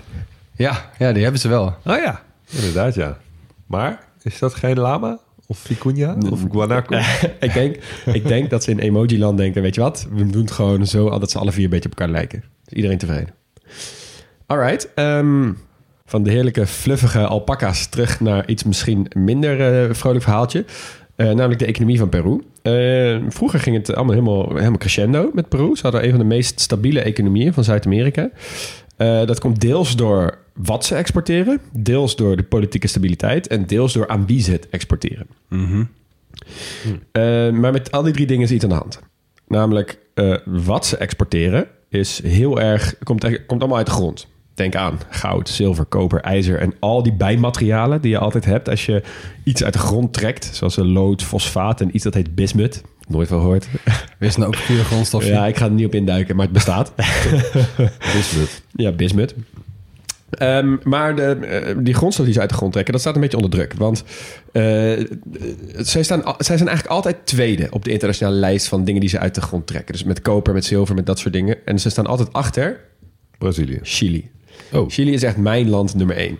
Alleen het grote verschil is, ehm, bij Peru staan heel veel van die mijnen staan heel dicht bij eh, gemeenschappen of steden of dorpjes of zo. Dus als ze die mijnen willen uitbreiden of er is weer iets aan de hand. En de afgelopen tien jaar hebben heel veel van die inheemse groepen hebben best wel een stem gevonden. Zoals we wel vaker hebben gezien bij andere landen. Hè? Dus er is veel meer, veel meer realisatie van, joh, luister, wij laten niet meer met ons sollen wat we de afgelopen drie, vier, vijfhonderd jaar hebben gedaan. Dat is vervelend, hè? Ja, ja, voor die Peruvianen. Dus ik vind het wel lekker. Maar dus er is wat meer politieke actu- activiteit. eh, en die gaan dus gewoon veel meer... eh, ook, want zij, zij zijn uiteindelijk altijd die mensen... ook die die mijnen in worden gestuurd natuurlijk... door die grote bedrijven. Dus zij zijn veel meer aan het protesteren. Dus heel veel van die mijnen liggen best wel vaak stil. En dat is natuurlijk vervelend... als dat je grootste exportproduct is. Want nou, eh 22, nou, bijna 23 procent... dus bijna een kwart van wat ze exporteren is koper. En voor de rest hebben ze dus ook nog zink en ijzer en lood. En daarmee zit je dus bijna al aan 30, 35 procent. Tel je daar goud bij op, dan zit je met 50 procent van hun export. Zo. Dus dat is allemaal, komt allemaal uit de grond. Het andere waar ik het even kort over had, dat is die politieke stabiliteit. Nou, we hebben het er net over gehad. Hè? Dus eh, die Castillo, die huidige president. Nou, wat ik zei, die wisselt volgens mij vaker van ministers dan van onderbroek. Want dit gaat wel echt, eh, gaat wel echt, echt hard. Eh, ehm, en die politieke instabiliteit is natuurlijk niet handig als je een land bent wat heel erg leunt op export en ook op zeg maar, grote bedrijven. Hè. Het is heel erg, net als heel veel andere landen, eh, de hele economie is geneoliberaliseerd. Dus heel veel staatsbedrijven zijn verkocht. Ja, en dan- als je dan politiek instabiel bent, dan merk je dat meteen. En het derde, waar het dus niet helemaal lekker gaat, is de, aan wie ze het exporteren. Hun grootste ehm, exportpartner is namelijk China. Maar China heeft sinds corona eigenlijk best wel bij heel veel dingen gezegd... Yo, wacht maar even. Eh, we, hè, we zijn, eh, ze zijn niet meer zo hard aan het, aan, aan het pompen met geld... zoals ze dat drie, vier jaar geleden deden. En een van die landen die daar het meeste last van heeft... is dus Peru. Dus ze worden eigenlijk een beetje... van drie kanten worden ze geraakt in hun, eh, in hun economie... wat ehm, ja, voor hun dus eigenlijk niet heel fijn is. Ehm, en dan een ander onderwerp van hun economie... wat jij stipt het net al aan, Huug. Ze zijn een van de grootste visnaties ter wereld. Ze staan momenteel vierde in totaal aantal kilo's vis gevangen. Achter grootmachten zoals China, India en Indonesië. Wow.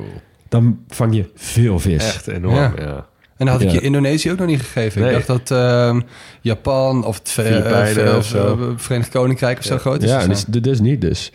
Eh, nee, maar ze zijn dus al zelf flink bezig met het leegvissen van hun oceanen. Ehm, dat gaat ook echt niet heel goed. Eh, ze hebben best, best wel wat vissen die zijn al helemaal uitgestorven. En ehm, ook door klimaatverandering wordt El Nino eh, heftiger. En La Nina trouwens, ook zusje van. Ja, die heb ik even daar gelaten voor, eh, Ja, voor de volgende- voordat jullie helemaal afhaakten. Nee, maar die worden dus... ehm, eh, dat wordt allemaal heftiger. En daarmee hebben ze dus ook veel... Het heeft hele grote impact op de visindustrie. Wat vrij heftig is, want ze hebben dus 200.000 banen... die afhankelijk zijn van de visindustrie. En daarvan zijn er 100.000 vissen. Oh, Er ja. zijn 100.000 vissers in dat land. Dus het is, ehm, eh, het is eh, gewoon kijken hoe het, hoe het gaat de komende jaren. Maar ze zijn op dit moment dus... Het gaat economisch gezien ook niet helemaal voor de wind. Ehm, dus te- wat je ook zei, politieke instabiliteit... die is op dit moment gewoon even in de gaten houden hoe ze dat... eh, dus laten we hopen dat ze daar weer bovenop krabben. Wel schommelingen dus. Ja. Ja. Nou, gelukkig hebben ze dan nog het toerisme. Want eh het is natuurlijk wel een groeiende sector. Eh, wat denken jullie? Aantal, of nee, eh, van alle landen in Amerika's, de hoeveelste zijn ze qua aantal toeristen? In de Amerika's, Noord, Ja. dus Noord, Midden, Zuid. Ja. Ik denk eh, vierde. Dus nee joh. Vijfde. Brazilië, Amerika, Canada, Mexico. Ik denk eh, twaalfde. Ah, zit een beetje tussenin. Achtste. Oké. Dus, nou oké, 4,4 miljoen toeristen in 2019. Ehm, en ja, goed, toerisme in Peru hangt natuurlijk wel heel erg samen met de overblijfselen, eh, overblijfselen van pre-Columbiaanse beschavingen die daar woonden. Nou ja, we hebben het natuurlijk al heel erg gehad over die Inca's. Peru is ook zo'n land met een absoluut kroonjuweel als het gaat om toeristische bestemmingen. En dan heb ik het natuurlijk over iets wat we al eerder genoemd hebben. Ja. Machu Picchu. De ruïnestad van de Inca's. Betekent oude berg in het Quechua. Vet. Oude berg, ja. Eh, is gebouwd in de 15e eeuw. Nou ja, je hebt al een kleine tijdlijn geschetst voor ons, eh, Leon. Eh, dus net, wel echt net voordat die conquistadores uit, uit Spanje daar kwamen. Ehm, nogmaals, het is inderdaad geen eeuwenoude stad die daar Nee. al stond voordat ze daar kwamen. Dat was eigenlijk net af. Ja, nou ja, in, in, een- openingsceremonie was vlak voordat die Spanjaarden in zo'n lange termijn tijdlijn inderdaad wel, ja. Ja. Ja, ja. zonde. Hij is eh, herontdekt door August Berns, een Duits, Duitse goudzoeker. Ja, dit vind ik dus wel een leuk feitje. Want die Spanjaarden hebben dus heel Machu Picchu nooit gezien. Nee, die hebben het niet gevonden. Nee. Oh, echt niet? Nee. Nee, Oh. hij, is, hij is ontdekt door een Duitser. Duitse Ja. centra is ook wel echt heel goed in herontdekken. Ja. Ja, die waren in eerste instantie overal te laat bij. Ja, die her- maar vervolgens die herontdekken herontdekken- Schliemans van deze wereld echt Ja. een hoop. Ja, in. en die herontdekken van eh, Petra was inderdaad ook een Zwitser. Nou ja, goed, het ligt ook een beetje in Oh de ja. Nou ja. En voordat je wel een soort heel romantisch idee krijgt hiervan... hij heeft die hele stad geplunderd en alles verkocht aan musea. Dus niet zo, niet zo aardig van hem. Ehm, die stad, eh, Machu Picchu, werd geleidelijk aan, was steeds bekender en bekender. Verscheen op een gegeven moment ook in atlassen. En uiteindelijk had National Geographic in, t- in 1912 een hele grote rol... eh, in het uitgraven van de hele stad. En publiceerde ook een heel nummer gewijd aan Machu Picchu. En toen werd het echt wereldberoemd. Dus zij hebben daar best een grote, eh groot aandeel in gehad. Oh, een nummer als in een tijdschriftnummer. Ik Ja, zat ja, even ja. in mijn hoofd met een, een muzieknummer. ik wil dat nummer horen. Ja, ja, ja. ja die gaat eh Hugo zo meteen noemen bij het muziekhoofdstukje. Ehm, en wat Machu Picchu wel kenmerkt, eh, Leon, je stipt het al even aan, is dat het heel afgelegen ligt. En omdat die Inca's dus geen schrift hadden, is het heel moeilijk om te achterhalen wat de functie was van, de, van die stad. Ja. En er wordt wel nu van uitgegaan dat het een soort buitenverblijf was voor koningen. Ehm, en ja, het is ook wel een. Ja, het had best wel een grote verdedigingsfunctie misschien ook wel. Want het is heel moeilijk om, te, om, om, om, om binnen te vallen. Dus ze konden zich daar terugtrekken. Nou, veel mensen gaan daar nu wel heen, maar het kost dus wel redelijk wat moeite om daar, eh, daarheen te komen. Eén op de drie mensen eh, die naar Peru gaat, gaat ook naar Machu Picchu. Anderhalf miljoen bezoekers per jaar. Zo, ja. En best wel logisch En hoeveel natuurlijk van die, van die 1 op de 3 gaat ook op de foto met een lama bij Machu Picchu? Waarschijnlijk, ja, heel veel. Ik denk ja. 95 Waarschijnlijk wel veel.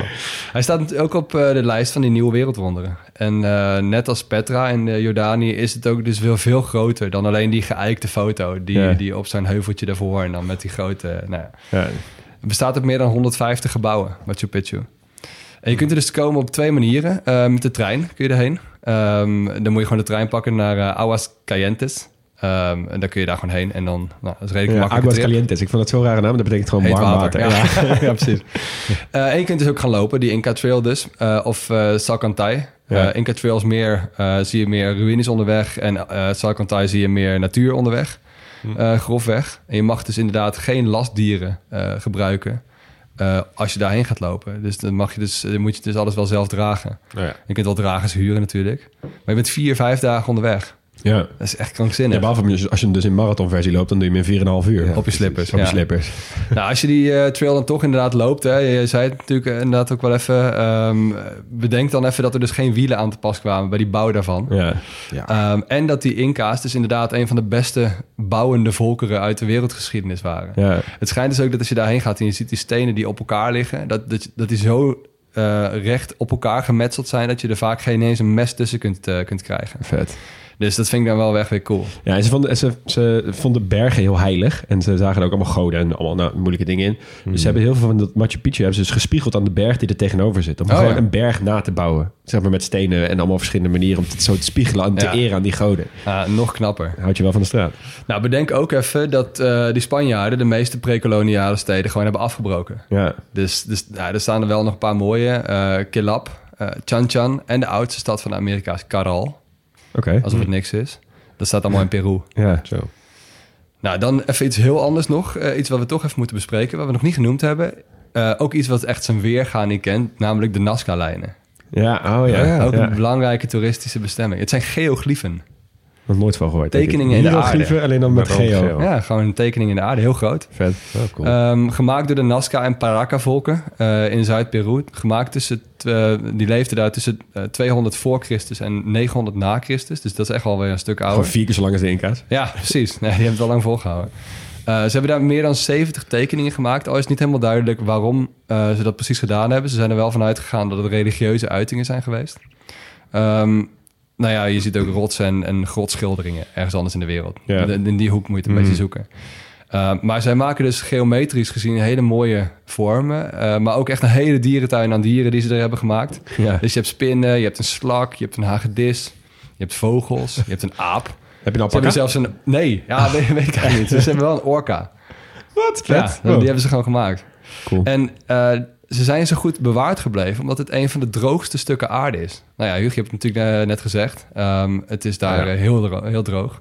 Ehm, en op dat gebied waait het ook niet zoveel. Dus die stenen, of die, eh, die lijnen, die zijn eigenlijk niet verstoord. Ah, oké. Ja, Ja, dat een is dus wel ja. dat je ze alleen kunt zien vanaf hoogte. Dus. dus je hebt wel uitzichtpunten waar je met de, met de bus heen kunt. Maar de meeste mensen gaan wel echt per klein vliegtuigje. Ja, vet. Ja, ik zou hierbij zoiets hebben van... dit zie ik op de foto's wel. Dat Ja, denk ik eigenlijk ook. dat denk ik vergeleken wel. met Machu Picchu, dan ga ik zeker naar Machu Picchu. Ja. Maar, Ja. Ja. Daar, daar kan me heel goed voorstellen dat je daar door die stad rondloopt... en dan denkt van, oh, zo moet het geweest Precies, zijn. En van die lijnen, ja. ja, goed. Hier is een ding. Dit is een ding.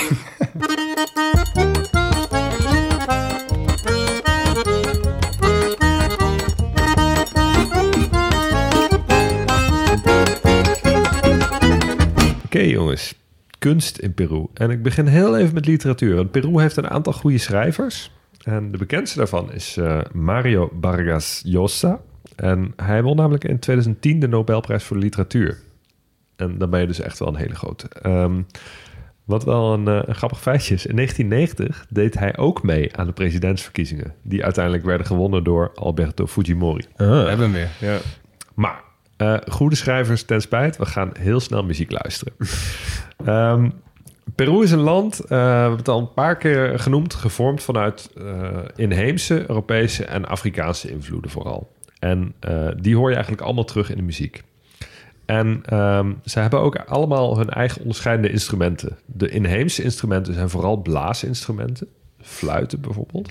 De Europese zijn vooral snaarinstrumenten, dus gitaarachtigen. Eh, en de Afrikaanse instrumenten zijn vooral percussie, dus trommels. Ah, een goede mix. Ja. Bekendste eh, Afro-Peruaanse eh, instrument is de cajon. Dat is een vierkante trommel waar je bovenop zit. Dus het is tegelijkertijd een soort krukje en dat trommel je dan dus Ah, het tussen je benen zo'n op. Ja. Ah, ja. En ehm, eh, wa- wat wel mooi is, er komen heel veel verschillende soorten klank uit. Dus eigenlijk kun je één enkele cajon best vergelijken met een drumstel. Oké. vet.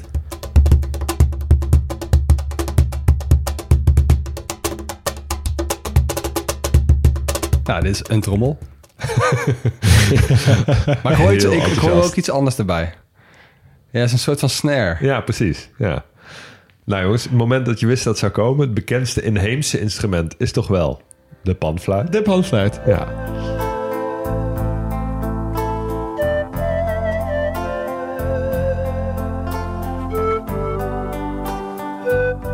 Wat vinden jullie hiervan? Nou, ik heb dus altijd... ehm, er was een periode... Nou, wij zijn ongeveer allemaal even oud. Ik ben eh, 34, jij bent ook 34, Max 33. Wij, de, ik denk tussen ons 18e en 24e... stonden Ja. er voor bijna alle Nederlandse supermarkten... mensen met een panfluit. Ja, klopt ja. Die, zijn, die kwamen ineens... en drie, vier jaar later waren ze allemaal weg. Wat Ja. is er gebeurd met dit mysterie van de mensen met de panfluit? Die werden Ja, toen allemaal vervangen vraag. door mensen met, eh, Ja. met de harmonica's... van die, van die eh, units Oh, uit. Oost-Europa vaak. Ik heb het opgezocht. Wat, over, hierover? Serieus. Heb je meteen een antwoord op deze vraag? Ja. Oh, wat fantastisch. Ik ga het proberen het zo goed mogelijk uit te leggen. Feitje 1. Ze kwamen bijna allemaal uit Ecuador. en eh, feitje 2. ja, ze werden dus inderdaad wel heel bekend. Maar op een gegeven moment vanaf 1994 begon het Europese publiek een beetje moe te worden van die panfluiten. en dat lieten ze ook wel merken. Want elke keer als ze langs liepen, dan liepen ze echt gewoon met vingers in hun oren. En nou ja, het, het werd, raakte een beetje te gratie. Ja. En tegelijkertijd, rond die tijd, ehm, werd de controle op straatverkoop en straatmuziek steeds strenger. En eh, toen, toen zijn mensen uiteindelijk maar teruggegaan. Oh, oké. Want omdat ze niet werden gewaardeerd hier. Ja. Ja, ja, maar ja, je zou er inderdaad maar naast staan op de markt de hele dag. Kijk, ik, ik vind het best mooi, maar ongeveer Ja, je hebt dus- 20 ja. seconden. Ja, maar Ja, je, ja, je hebt dus best wel een vet Frans duo. Die heette Polo en Pan. En Ja. Pan is van de panfluit. En zij hebben dus met beat en zo. Dus zij hebben echt wel een paar vette nummers erin zitten. Ja. Dus dan is het in één keer weer dat ik denk... Oké, hier, hier kan ik wel. wel mee leven. Maar het wel een evolutie inderdaad. Ja, precies, ja. Nou, de meeste mensen zijn teruggegaan naar Spa Spaanstalige landen. dus Spa- eh, Spanje, Colombia en Chili. Of naar de VS. Want ja, eh, zoveel diversiteit. Dan kun je er ook wel een paar panfluitspelers bij hebben, denk ik. Precies, denk ik ook wel. Maar veel zijn ook gewoon teruggegaan. Ja, heel toevallig. Ik heb Ja. het even opgezocht. Ik dacht van, ah, goeie, dan moeten we het hebben over waar zijn de panfluitspelers gebleven. Het grappige is wel, het is wel voor heel veel mensen één groot vraagstuk. Dus heel veel mensen in Nederland vragen zich dit af. Ja, terecht hoor. Ja. Dat is ook de titel van heel veel artikelen die erover geschreven zijn. Van, Oh ja, is waar zijn ze ja? in godsnaam gebleven? Hey, ehm, het, het nationale instrument van Peru is niet de panfluit, maar dat is de charango. En je raadt het al, dat is zo'n Europees eh snaarinstrument. Het is een soort luid. We hebben echt al heel veel Ik zeggen, luidachtigen behandeld. Ja. Eh, het is dus geïnspire- geïnspireerd op gitaarachtige instrumenten die de Spanjaarden meenamen. Hij heeft in totaal tien snaren. En eh, oorspronkelijk werd de klankkast gemaakt van de rug van een gordeldier. Wow. Oh, Luguber. Ja, best luguber. En dat kwam omdat de inheemse bevolking die deze instrumenten eh, gingen, gingen maken op, ja, op, op basis van Spaanse in- inspiratie, ehm, die konden eh, geen houten klankkasten maken. De- Die hadden die kunst niet ontdekt. Die wisten niet hoe dat moest. Dus gingen ze dat doen met, eh, met de rug van een gordeldier. Hoe maak je wel Machu Picchu, maar kan je geen houten klankkast maken? Ja, bijzonder. Maar goed, ze hadden ook geen wielen. Dus, ja, dat die buitenkant kun je ook wel leuk als ik xylofoon gebruiken. Dan. Ja, ploep. Tegenwoordig eh, eh, zijn het overigens wel houten instrumenten. Eh, de bekendste Peruviaanse artiest die charango speelt... is waarschijnlijk wel Jaime Gardia.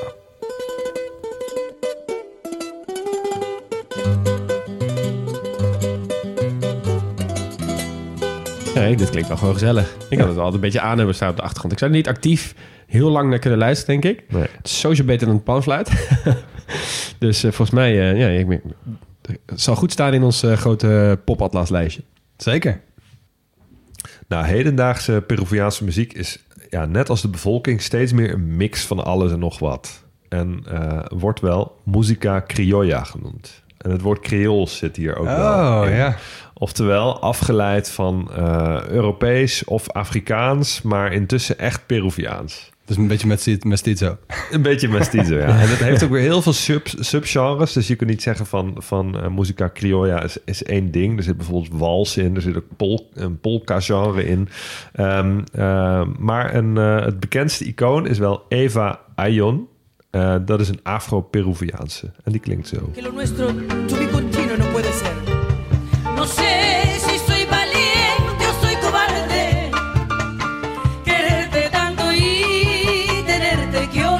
Nou ja, ik hoorde het aan het begin, toen dacht ik, hey, lijkt een beetje op Shakira. Maar die trek ik ook weer in, want dat is wel een beetje een rare vergelijking.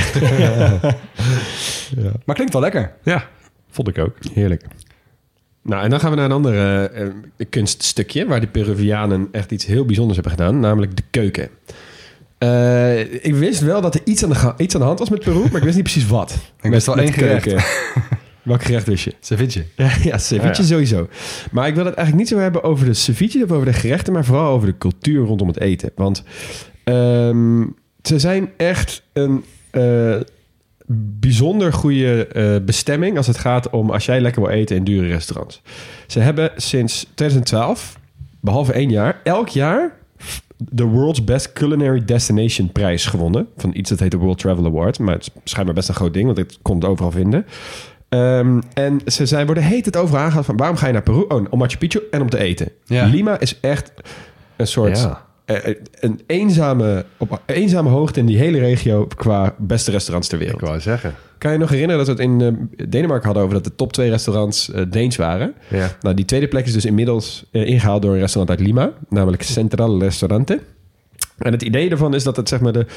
Ze zeggen dat die gastronomische bloei van dat land echt veel te danken heeft aan de biodiversiteit en die multiculturele erfgoed waar we het eigenlijk al de hele aflevering over hebben. Dus Ja. proppen alles samen. Hè? Dus inderdaad, nou, van vis naar jungle naar, naar, naar berg, maar ook dus de Japans, eh, Afrikaans eh, en inheemse invloeden. En daardoor heeft die keuken gewoon echt ontzettend veel weg van de allerbeste fusion keuken van de wereld. Ja. Dus ze proppen blijven gewoon maar allemaal dingen samen stoppen. Eh, dus overal waar je echt leest, zeggen, zeggen mensen gewoon... ja, je, je hebt van die culinary walks... je hebt van die rondleiding in Lima... rondom zeg maar restaurants en, en van alles en nog wat over de markten ook. Nou goed. Definitieve afrekening met het idee dat je niet lekker kan eten in Zuid-Amerika. Ja, Ja, zeker. zeker. Ja, en ze hebben dus... wat zij eigenlijk ook al hebben... en dat zien we straks... zullen we ook bij Bolivia denk ik wel zien... zij hebben al jaren, al eeuwenlang... eten zij alles met allemaal dingen die wij nu superfood noemen... Zoals bijvoorbeeld Oh, ja. zo quinoa, weet je wel. Of uit, uit Brazilië. Dat komt er ook vandaan, Acai. toch? Ja, precies. Ja, dat komt heel erg vandaan. En ze hebben dus ook dingen, dat heet kamu kamu, makka en jakon. Ik ken het allemaal niet, maar waarschijnlijk staat het binnen nu en vijf jaar bij de eh, hipste tentjes hier om de hoek. eh Dik, op de dik spierballen van estate. Precies. Wat ik eh, leuk vind, en jij denkt ook Max, is dat al in 1609 schreef een Spaans Peruviaan op dat Peruvianen een lange traditie en obsessie hadden om uchu op bijna alles wat ze eten te doen. En uchu is hun hete saus. Ah, ik Ze houden dus extreem van pittig eten. Eh, ze worden dus ook allemaal gegeten met agi. En agi is gewoon die peper vandaar. Ja. Dus ze hebben dus zij, overal waar zij eten bij doen, dan gooien ze eigenlijk gewoon een, een bepaalde vorm van pittige saus bij. Had ik je niet gegeven. Ik dus ook niet. Nee. Maar eh, ja, Max en ik zijn groot fan van pittig eten. Dus ik denk dat dit... Nou, eh, ik heb met Hugo ook wel een keer goed zitten zweten in Zou China. Dus, Oh, fair enough. ik wil nog één eetdingetje en dan ga ik afsluiten met wat drinken. Maar het eetdingetje is ook weer iets vanuit die Inca's eigenlijk. Er zijn heel verschillende soorten groenten en dingen die uit Peru of uit die regio komen... waar wij nu met z'n allen van genieten. Kunnen jullie wat dingen noemen? Eh, aardappelen komen er Aardappelen komen er vandaan. Dat is best wel al, hè? De- als je hier was gestopt, was ik al wel impressed, zeg maar. Tomaten komen er vandaan. Zo, oké. Pinda's. Maar ik wil inderdaad even inzoomen op die aardappelen. Want eh, het is de meest gegeten groente ter wereld. En in, Is het groente? Mogen ja, we- dat is een goede vraag. Ik vind het dus wel groente. Dat groeit onder de grond. Ja, oké. Ja, maar Het groeit onder de grond, aardappel. Ja. Maar goed, maar het is, eh, ze, ze noemen het ook wel de ster van de Peruviaanse keuken, de aardappel. Het is een heel dierbaar gewas natuurlijk. Ehm, eh, en overal waar je artikelen leest, dan beginnen ze altijd... Iedereen prijst altijd de eenvoudigheid van de aardappel. Want het, gewoon, het is gewoon een eenvoudige, eenvoudige vrucht. Ehm, en ze hebben het helemaal terug weten te, te traceren tot 10.000 jaar geleden aan de oevers van het Titicaca-meer. En er wordt aangenomen dat de Inca's de eerste waren die aardappel verbouwden. Helemaal op het Andesgebergte. Dus dat is 4000 meter boven zeeniveau. Eh, en wat ik vet vond, is de Inca's hebben dus ontdekt dat je aardappels kunt dehydrateren. Dus dat je het water eruit kunt laten lopen. En zo konden ze, dat noemden ze dan chuño. En zo konden ze dat, het goedje wat overbleef 10 tot 15 jaar bewaren. Oh. Dus ze zijn eigenlijk soort de uit, eh, ja, uitvinden van aardappel, instant aardappelpuree. Want als je er ja. water bij doet, dan heb je gewoon dus weer aardappel. Die stomme zakjes die we altijd aten in onze studententijd. Die hebben ze Die uitgevonden. hebben de Inca's uitgevonden. ja, het was echt gekhuis. En, maar die, die Inca's hebben die aardappels voor alles gebruikt. Ze gebruikten bijvoorbeeld ook om verwondingen te behandelen, het weer te voorspellen en het bevalling makkelijker te maken. Ze hebben ook aardappels gebruikt om de tijd te meten. en de Inca tijdseenheden die kwamen overeen met de tijd die nodig was om aardappels in verschillende consistenties te koken. Jezus. Dan zeggen ze gewoon. Maar ja, hoe lang ga je erover doen, denk je? Ja, ik denk eh, drie gekookte aardappels. Konden, konden ze ook tijdreizen met die dingen. ja, dat denk ik wel. Ik denk dat ze Machu Picchu hebben gebouwd op aardappels. maar goed, van de 5000 soorten aardappels die er in de wereld bestaan... wat ik ook trouwens echt een bizar aantal vind... vind je er dus eh, bijna 3000 in Peru. Eh, je hebt ze daar in alle vormen, kleuren en texturen. Eh, en ze eten dus echt zo vaak overal aardappels bij. En de aardappel heeft ook zijn eigen feestdag, namelijk 30 mei. Aardappelfeestdag. Onthoud die dag. Ik ga het vieren voortaan. Ik ook. Nou, en, en dan nog even afsluitend met eigenlijk een grote bron van onrust tussen Chili en Peru, namelijk pisco. Hebben jullie pisco wel eens gedronken? Ja. Kan me nee, niet herinneren. gedronken, maar ik, ik, ik eh, ken het dispuut. Pisco is een, is een biggie daar. Dat is echt een biggie. De Spanjaarden die namen druiven mee eh, om een wijn te maken daar. Eh, maar die Peruvianen, ja, of dus de Chilenen, ligt een beetje aan wie het vraagt. Die maakten daar een eigen drankje van. Het is eigenlijk een mix tussen ja, een soort grappa vanwege de druif en tequila vanwege de aardse smaak en de eh, kruiden die ze erbij doen. Moet je dus niet, niet, denk niet aan de Nederlandse tequila die jij om twee uur s'nachts eh shot met je, met je vrienden. Want dat heeft echt niks met tequila te maken hoe ze het daar drinken in Zuid-Amerika. Ehm, maar het is dus een heel populair mixdrankje. Je hebt dus de Pisco Sour. Dat Ja. is de meest bekende cocktail die je met pisco maakt. Dat is met limoensap en eiwit. Zoals je ook amaretto sour en whisky sours kan Ja. maken. Maar als je nog een keer een Pisco, pisco Sour eh, tegenkomt, ik zou hem drinken. Ik ben een groot fan. Oké. Dan gaan we het nog even over sport hebben, jongens. Eh, en als we het eh, toch doen, dan eh, hebben we het altijd even over de Olympische Spelen. Eh, hoeveel goud? 10. 10 goud? Ja, joh. Acht. Nee, die hebben niet gespiekt. Dat zie ik wel. Eén keer goud. Ja. Oké. In 1948 met schieten. Ehm, en verder hebben ze drie keer zilver. Dus het is niet een heel goed Olympische Spelenland. En ze verwachten ook al, eh, nou, het is het sinds Barcelona t- eh, 1992 op een, op een Olympische medaille. Dus eh, nou ja, wat dat betreft niet zo heel succesvol. En misschien andere sporten. Eh, surfen is groot in Peru. Ja. Eh, Chicama is misschien wel de langste golf ter wereld. En ehm, ze hebben in 2004 hebben ze een wereldkampioen voortgebracht, Sofia Mulanovic. Maar de grootste... Super Peruviaanse naam ook weer. Ja, precies. Ja, nou ja, melt, eh, smeltkoers, toch? Wel koud water in Peru. Ja. Ik zou Ja. ergens anders gaan surfen. Ja, nee, dat, dat schijnt inderdaad wel, ja. Het is inderdaad Ja. wel vrij koud, ja. Ja, ja, oké. Maar de grootste sport eh, is eh, wel voetbal. En hoewel ze in de recente geschiedenis wel noemenswaardige spelers hebben voortgebracht... bijvoorbeeld Claudio Pizarro, een oud-PSV-speler, Jefferson Farfan. exact... ehm, zijn de Peruvianen niet bepaald hoogvliegers. En eigenlijk zoals overal in Zuid-Amerika is die natie wel helemaal voetbalgek. Dus daar gaan we het nog wel even over hebben. Eh, ze hebben een zeer levendige nationale competitie... eh, waar vooral echt eh, Peru- Peruvianen zelf spelen. Dus niet zoveel import. Ze hebben 19 teams, waarvan 6 uit Lima. en ze hebben de Peru- Peruvian Classico. Dat is Universitario tegen Alianza Lima. Eh, echt een soort eh, eh, stadsderby. Ja. El Super Classico wordt hij ook wel genoemd. Ja, Worden al die maar dan El Super Classico's genoemd? Wel veel. Ja, dat zijn er een paar in de landen. wereld. Ja. Ja. En eh, die, die wedstrijd is niet alleen hoog opgeleid tegen working class, maar ook rijk tegen arm en ook wit tegen zwart. Dus het is echt een, echt een grote tegenstelling. Maar is er nou toch iets wat het hele land verenigt? En dat is natuurlijk het nationale team. Ja. In mijn ogen drager van een van de toch wel de mooiste nationale voetbalshirts ter wereld. Oh ja? Hoe ziet het Ik heb eruit? niet per se is- voor mijn neus. Wit broekje, wit shirt, maar dan wit shirt heeft zo'n rode diagonale band. Oh ja. doorheen. Een beetje zoals eh, River Plate. En, eh, Ja, ja precies. Ja. ja. Een beetje de omgekeerde Peruaanse vlag. Vet.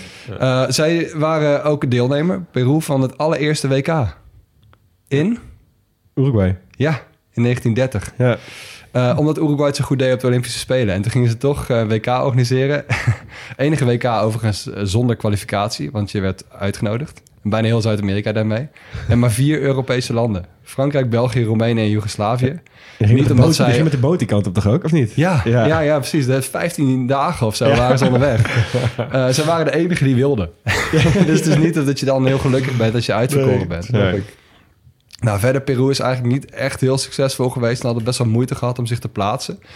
Eh, maar in sommige landen wordt dat natuurlijk ook gewoon gevierd... als een, als een nationale feestdag ongeveer. Als je je plaatst voor een WK. Ja, tuurlijk. Dus daar gaan we het even over hebben. Want in 2018 waren ze er ineens. Na 36 jaar wachten mochten ze eindelijk naar het WK in Rusland. En sommige eh, landen is dat natuurlijk echt heel groot. En dat is ook zo in Peru. Eh, ze hebben in de nationale competitie alle wedstrijden drie weken van tevoren hebben ze stilgelegd voor de play-offs, zodat ze konden trainen. Ehm, ze moesten de laatste wedstrijd tegen Nieuw-Zeeland en hebben ze zelfs hun eigen waterflessen meegenomen, zodat ze niet werden vergiftigd. Dat was echt een groot, groot Zegt, ook wel iets over hun eigen competitie trouwens. Als je, als je met zo'n instelling die kant op Als je gaat. dat verwacht, ja. Ja. Nou ja, en dan mag je dus naar Rusland. En ehm, ik geef je even een spoiler. Eh, ze overleefden de groepsfase niet. Want ja, ze moesten onder andere tegen latere wereldkampioen Frankrijk. Maar ik wil even naar ode brengen aan de meereizende fans... en in het bijzonder Miguel van eh, 24 jaar oud. Die was zo blij dat zijn land eindelijk naar het WK ging.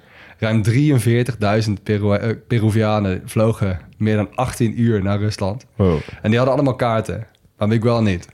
En hij was echt hij was radeloos. En het enige wat hij wel zag is dat de FIFA speciale plekken had vrijgehouden voor mensen met lichamelijke beperkingen.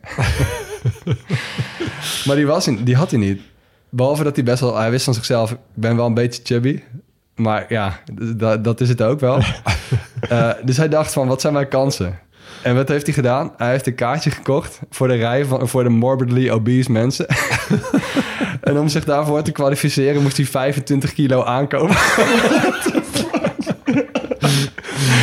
Daar heeft hij drie maanden over gedaan. En hij moest zich bewijzen. Hij moest echt een certificaat opsturen. En dat is gewoon gelukt. Nee joh, wat is dit? wow, dat ze daar ook kaarten voor hebben dan. Ja, Ja, echt hè? blijkbaar. Ja, dus hij heeft 25 kilo is hij aangekomen. Hij was echt, dus zijn moeder was super bezorgd. Ja, is hij eh. wel veel blijven bewegen. Hoeveel maar heeft hij gegeten? denk ik? veel, vet veel koolhydraten inderdaad gaan eten. En zijn maat die, die stond op het punt om expres zijn been te breken. Maar dat heeft hij toch uiteindelijk maar niet gedaan. Want Ja, dat was je misschien sneller klaar geweest. ja, die wel, die ging. Ja.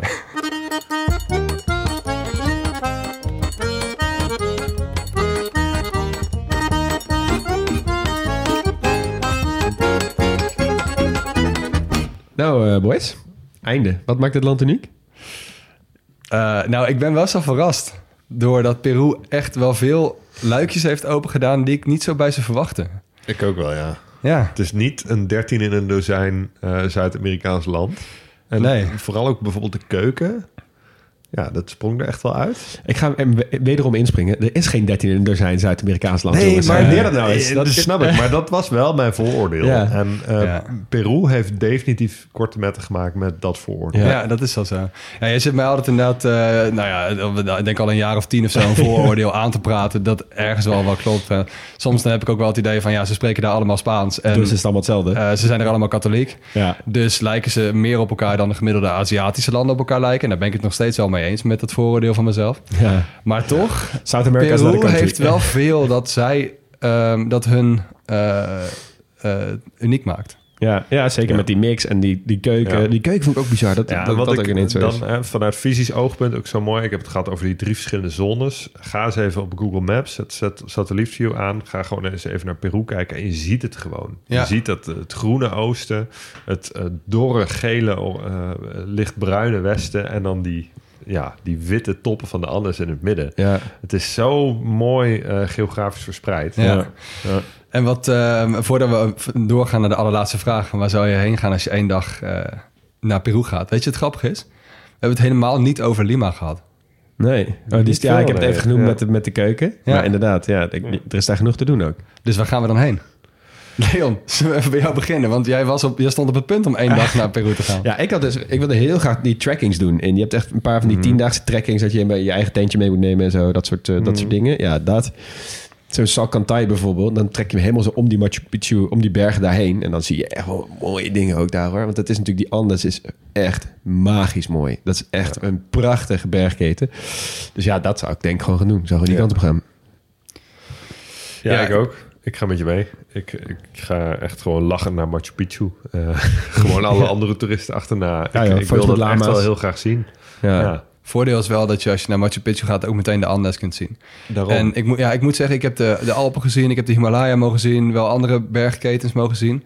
De Andes is zo groot. Ik ben gewoon heel benieuwd of het net zo mooi is als die andere bergketens. Dus dat kun je volgens mij prima combineren met een bezoekje aan Machu Picchu. ja. Dus ik ga met jullie mee. Ja. Wat? Ja, Gaan we met z'n drieën gezellig. hetzelfde doen? Met z'n drieën. Gaan we daarna Ja, even top. pisco sours drinken in Lima. Doen we. Ja. Hey, lieve mensen, heel erg bedankt voor het luisteren naar dit hoofdstuk van eh, de Grote Podcast Las. Wij zijn Leon Moelis, Max Gerritsen en Hugo Noordman. En Jonas van Empen doet nog altijd voor ons de eindmontage. Ehm, wij zijn nooit volledig, maar hopelijk wel origineel. Geen experts en wel liefhebbers. Als we iets verkeerd gezegd hebben, kan je het ons even laten weten via de socials. En kijk vooral even op onze website. Ja. Zeker als je nog even eh, terug wil lezen over Peru, alle feitjes op een rijtje wil zien, of natuurlijk van een van de andere afleveringen. www.degrotepodcastlas.nl En volgende week zijn we er weer. Dan reizen we naar Djibouti. Adios.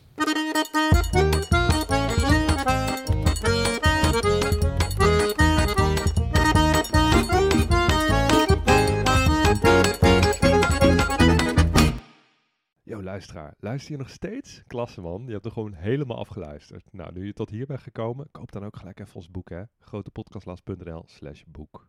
Doei!